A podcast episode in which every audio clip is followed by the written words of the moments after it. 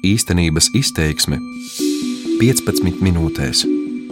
Jaunā koronavīrusa Covid-19 izplatība visā pasaulē līdznesusi arī dezinformācijas pandēmiju.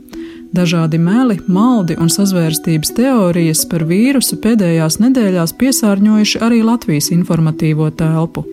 Vieni tūkstoši cilvēku dalās ar apgalvojumiem, ka tas ir ASV mākslīgi radīts ierocis vakcīnu ražotāju interesēs. Otri ar stāstiem, ka Covid-19 nav īpaši bīstamāks par gripu, tāpēc drošības pasākumi ir pārspīlēti. Milzīgu atsaucību gūst arī raksti, kuros pret vīrusu ieteikts cīnīties ar homeopātiskiem graudiņiem, sudraba joniem, aktīvo ogli un citām apšaubāmām un pat bīstamām ārstēšanās metodēm. Mani sauc Evita Puriņa, esmu Rebaltika faktu pārbaudas projekta Rīčeka redaktore. Turpmākajās 15 minūtēs stāstīšu, kas šos apgalvojumus izplata un vai tiešām tiem var ticēt. Pirmais mīts - vīrusa bīstamība esot pārspīlēta man liekas, vai nav vēl apnicis par to runāt. Patiešām man ir gan apnicis runāt, gan apnicis klausīties. Jo, nu, principā, ja es ticu mediķiem, un es ticu mediķiem, tad šis vīrus ir apmēram nu, tāds kārtējs gripas paveids, un nav ne ar ko ne šausmīgāks, nav buboņu mērs vai kas cits. Tā 6. marta Rīga TV24 raidījumā preses klubs izteicās Eiroparlamentāriete Inese Vaidere, Tobrīd Itālijā no jaunā koronavīrusa bojā gājušo skaits sasniedza 150, Ķīnā jau 3000 cilvēku. Latvijā bija diagnosticēta pirmā saslimusī, Nacionālā aviosabiedrība atcēla desmitiem lidojumu. Jau bija piemēroti drošības pasākumi cilvēkiem, kas atgriežas no vīrusa visvairāk skartajām valstīm.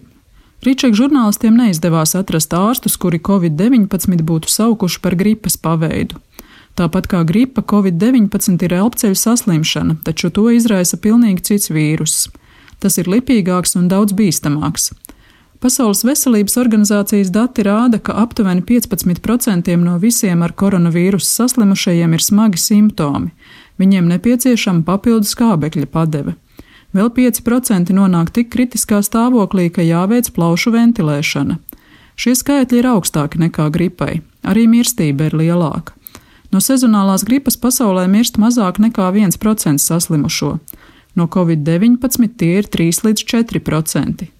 Protams, mirstības rādītāji ir atkarīgi no veselības aprūpas sistēmas pieejamības un kvalitātes attiecīgajā valstī. Vaidera raidījumā pauda, ka drošības pasākumu ir par daudz. Nu, varbūt mazliet pārspīlēts ir tas, ka tik ļoti daudz pasākumu tiek atcelt, jo gripas epidēmijas ir katru gadu. Tā kā man liekas, ka, ka mazliet ir par daudz tā ažiotāža, un tas liecina par to, cik viegli ir ažiotāžu uzkurināt sociālos tīklos. Rīgas Austrum slimnīcas infekciju uzraudzības dienesta vadītājs Māris Liepiņš skaidro, ka piesardzība ir vietā arī tāpēc, ka koronavīrus ir jauns un lielā mērā nepazīstams. Atšķirībā no gripas, kurai ir zināma gan sezonalitāte, gan profilakse, ir medikamenti un vakcīnas. Tad koronavīrus gadījumā mēs nojaušam, kā mēs varam inficēties, mēs nojaušam cik ilgi pēc, pēc, pēc kaut kāda kontakta cilvēks var saslimt. Mēs runājam par tām konsekvencēm, jā, tad, ja gripas gadījumā mēs varam palīdzēt cilvēkam, jā, dodot gan medikamentus, un gal galā jau profilaksē, tad šī gadījumā tā ārstēšana ir vienkārši uzturoša. Tā saka infektologs Liepiņš. Arī bijušais ārstu biedrības vadītājs Pēteris Apinis pirms dažām nedēļām aicināja par koronavīrusu, citēju, necepties jo tā esot nebūtiska tēma. Tagad viņš pārmet politiķiem pārspīlēšanu. Latvijas avīzes pielikumā veselam apins par absurdu sauc ideju slēgt sporta zāles un baseinus. Tā esot kustību liekšana un cilvēku sadzīšana dzīvokļos. Jāatgādina, ka šādi un vēl bargāki aizliegumi jau vismaz pāris nedēļu ir spēkā vairākās Eiropas valstīs, kur Covid-19 izplatība sākās agrāk un saslimušo ir daudz vairāk. Savukārt Rēzeknes mērs Aleksandrs Bartaševičs pašvaldības izdevuma Rēzeknes vēstnesis profilā Facebook citē Bulgakova romāna Suņa sirds varoni profesoru Preobražēnski, kurš esot apgalvojis, ka problēma ir cilvēku galvā. Reizeknē nav neviena saslimušā, bet daudzi izmanto iemeslu nenākt uz darbu, tā viņš rakstīja šo pirmdienu. Tā gan nav taisnība, jo slimību profilakses un kontrolas centrs jau divas dienas iepriekš bija ziņojis, ka Reizeknē ir ar covid-19 saslimis cilvēks. Pēc brīža stāstīšu, ko par jauno slimību ziņo Krievijas mediji un kas viņu teorijas pārstāsta Latvijā.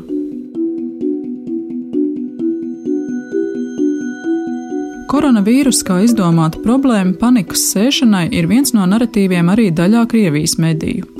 Dažus šādus rakstus pārpublicē Latvijas krievlodīgajā auditorijā populārais ziņu portāls Baltijas balss, jeb iepriekš vēsti. Vienā publikācijā kāds Krievijas profesors apgalvo, ka nekādas saslimstības nemaz nav un vīrus esot izdomāts. Citā cits zinātnieks stāsta, ka cilvēki tiek mānīti un jautā, kam tas ir izdevīgi. Eiropas Savienības institūciju paspārnē izveidotā dezinformācijas pētnieku grupa secinājusi, ka paralēli šai idejai Kremļa kanāla aktīvi izplat arī citas sazvērstības teorijas. Piemēram, ka vīrus ir radīts ASV laboratorijās ar mērķi sagraut Ķīnu un nostiprināt farmācijas kompāniju varu, ka vīrusa laboratorijas sponsorē miljardieri Bills Gates un Džordžs Soros, ka rietumu demokrātijas atšķirībā no Krievijas nav spējīgas tikt galā ar Covid-19 izplatības sekām. Tātad, kas ir ticamāk, ka šis ASV radītais vīrus nonāca cilvēkos, jeb tas radās pats no sevis.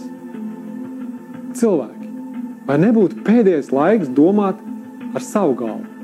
Tas ir Jānis Pļaviņš. Viņš plašāku atpazīstamību ieguvis ražojot nepierādītas iedarbības brīnumproduktu, struktūrēto ūdeni. Pļaviņš sociālajā tīklā Facebook izplatījis video, kurā atkārto šos pašus Kremļa vēstījumus. Proti vīrus esot mākslīgi izveidots un sākotnēji izplatīts ASV, tas kaut kādā veidā esot saistīts ar Bila Geitsa peļņas interesēm un Ķīnā ievests militāro sporta spēļu laikā. Pļaviņš atsaucas uz dažādiem zinātniskiem pētījumiem un rakstiem laikrakstos ar labu reputāciju, taču Rīčeka žurnāliste šos avotus pārbaudīja un secināja, ka nereti tajos nemaz nav teikts tas, ko Pļaviņš apgalvo. Tam, ka vīrus tapis laboratorijās, nav nekādu pierādījumu. ASV iepriekš izplatījusies slimība pērn patiesībā bija saistīta ar elektroniskajām cigaretēm. Bils Geits savulaik nestāstīja par saviem plāniem, bet tāpat kā vairāki zinātnieki brīdināja politiķus, ka pandēmijas ir reāls drauds cilvēcei. Ir gan tiesa, ka Covid-19 izcelsme nav skaidri zināma, taču zinātniekiem, kas šobrīd vīrusa izcelsmi pēta, ir skaidrs gana daudz, lai noteiktu, ka tas radies dzīvā dabā, nevis laboratorijā. Pļaviņam sociālajos tīklos ir milzīgs atbalstītāju lokus, taču Covid-19 izplatība aktivizējusi arī citus sazvērstības teoriju piekritējus, tostarp vakcīnu noliedzējus. Pāris dienu laikā lielu popularitāti guva kādas Marijas Sils ieraksts ar virsrakstu Acīm redzamas lietas. Sieviete sevi sauc par šamani, Viņas tekstā it kā ar faktiem pamatots, kāpēc vīrus esot apzināti radīts bioloģiski ekonomiskais ierocis un veids, kā no jauna pakļaut visus obligātajām potēm. Viņas argumenti - lieli pasākumi esot aizliegti tikai ārpus telpām, uz Ķīnu apturēts eksports, bet ne imports no tās, Spānijā notiekot iedzīvotāju nemieri, kuru apturēšanā jau iesaistīta armija. Neviens no šiem apgalvojumiem neatbilst patiesībai. Jautāju Marijai Sils, kāpēc viņa izplata viltus ziņas. Tas ir mans personīgais viedoklis. Cilvēks visu kaut ko raksta internetā. Es arī uzrakstīju, man nebija ne jausmas, ka pēkšņi tik daudz cilvēku ar šito te ieinteresēsies. Tik tālu par sazvērstības teorijām. Tagad pievērsīšos dažādiem apšaubāmiem ārstniecības līdzekļiem, ko mums iesaka izmantot cīņā pret jauno vīrusu. Covid-19 ir tikai dažus mēnešus vecs, un zinātne vēl nav atradusi ne vakcīnu, ne medikamentus, kas derētu tā ārstēšanai. Tā ir pateicīga situācija dažādu brīnumlīdzekļu reklamētājiem. Sociālajos tīklos sašutumu izraisīja Latvijas homeopātu asociācijas prezidents Inguns Vecvagaras aicinājums Covid-19 ārstēt ar homeopātisko līdzekli, kura pamatā ir arsēna šķaidījums. Homeopātijai nav zinātniski pierādāmas iedarbības. Valsts galvenais infektologs Uga Dumpis viņas rakstīto LTV raidījumam Rīta panorāma nosauca par dezinformāciju. Šīs, protams, ir viltus ziņas, tie nav medikamenti. Un, protams, šādā laikā šādas ziņas, nu, tas nav varbūt mana atbildība, bet, protams, nedrīkstētu izskanēt jāpievērš uzmanība tātad citiem dienestiem. Tātad tā ir ļoti nopietna dezinformācija un šāda dezinformācija jākontrolē. Savus produktus reklamē arī dažādu uztura bagātinātāju tirgotāji. Viņi imunitāti aicina stiprināt ar sārmaino ūdeni un tā saukto koloidālo sudrabu. Ar sudraba joniem sevi glābt iesaka arī kāds Edmunds Aizkalns. Viņš tirgo ierīci, kas esot citēju spēcīgākais antibakteriālais līdzeklis uz šīs zemes. Tādu aparātiņu jūs nekur citur neatradīsiet. Tikai Eiropā, tikai pie manis. Tas jūs patiešām var paglābt. Tagad es pateikšu, no kā.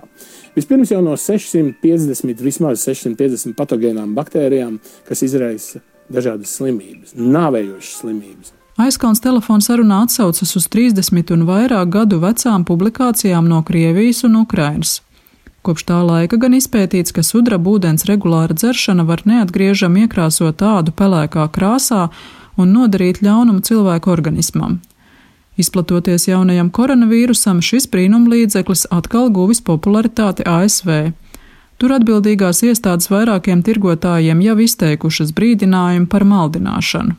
Jautāju Rīgas Stradiņa universitātes profesorei, infektoloģijai Angelikai Krūmiņai, kā viņa vērtē ieteikumu lietot homeopātiskos līdzekļus, struktūrēto ūdeni un sudrabu. Nav pierādījumu šīm te terapijas metodēm. Jā.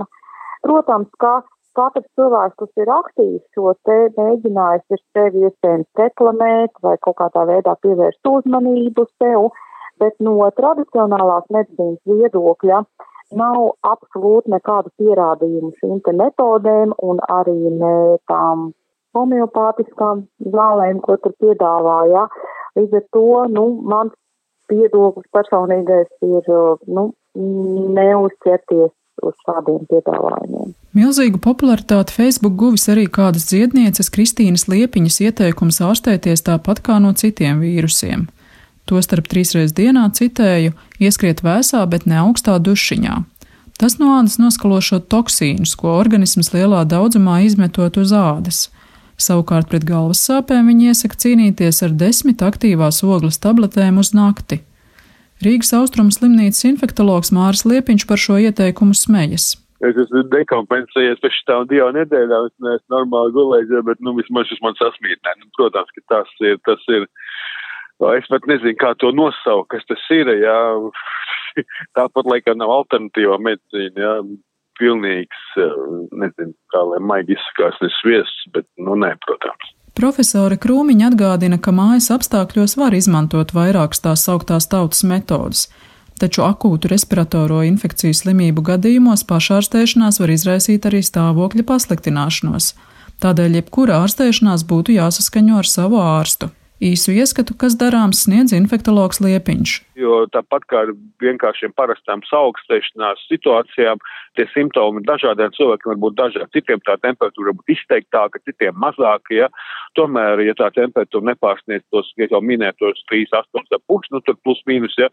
tad uh, parasti vispār neko nevajag lietot. Ja, ja ir stipras kakla sāpes, jā, tad varētu lietot atkal to pašu paracetamolu vai, vai ibuprofēnu. Zvanam uh, kompetentam ārstam, jā, un tad jau, tad jau vadamies, ko viņš teiks. Jebkura krīze ir laiks, kurā baumas, sazvērstības teorijas un dažādu viltus ekspertu ieteikumi izplatās vismaz divkāršā ātrumā. Ar aicinājumu paļauties uz to informāciju, ko sniedz oficiālas iestādes un uzticami mediji, izskan šodienas īstenības izteiksme.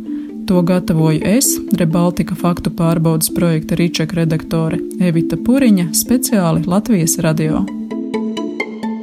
Īstenības izteiksme 15 minūtēs.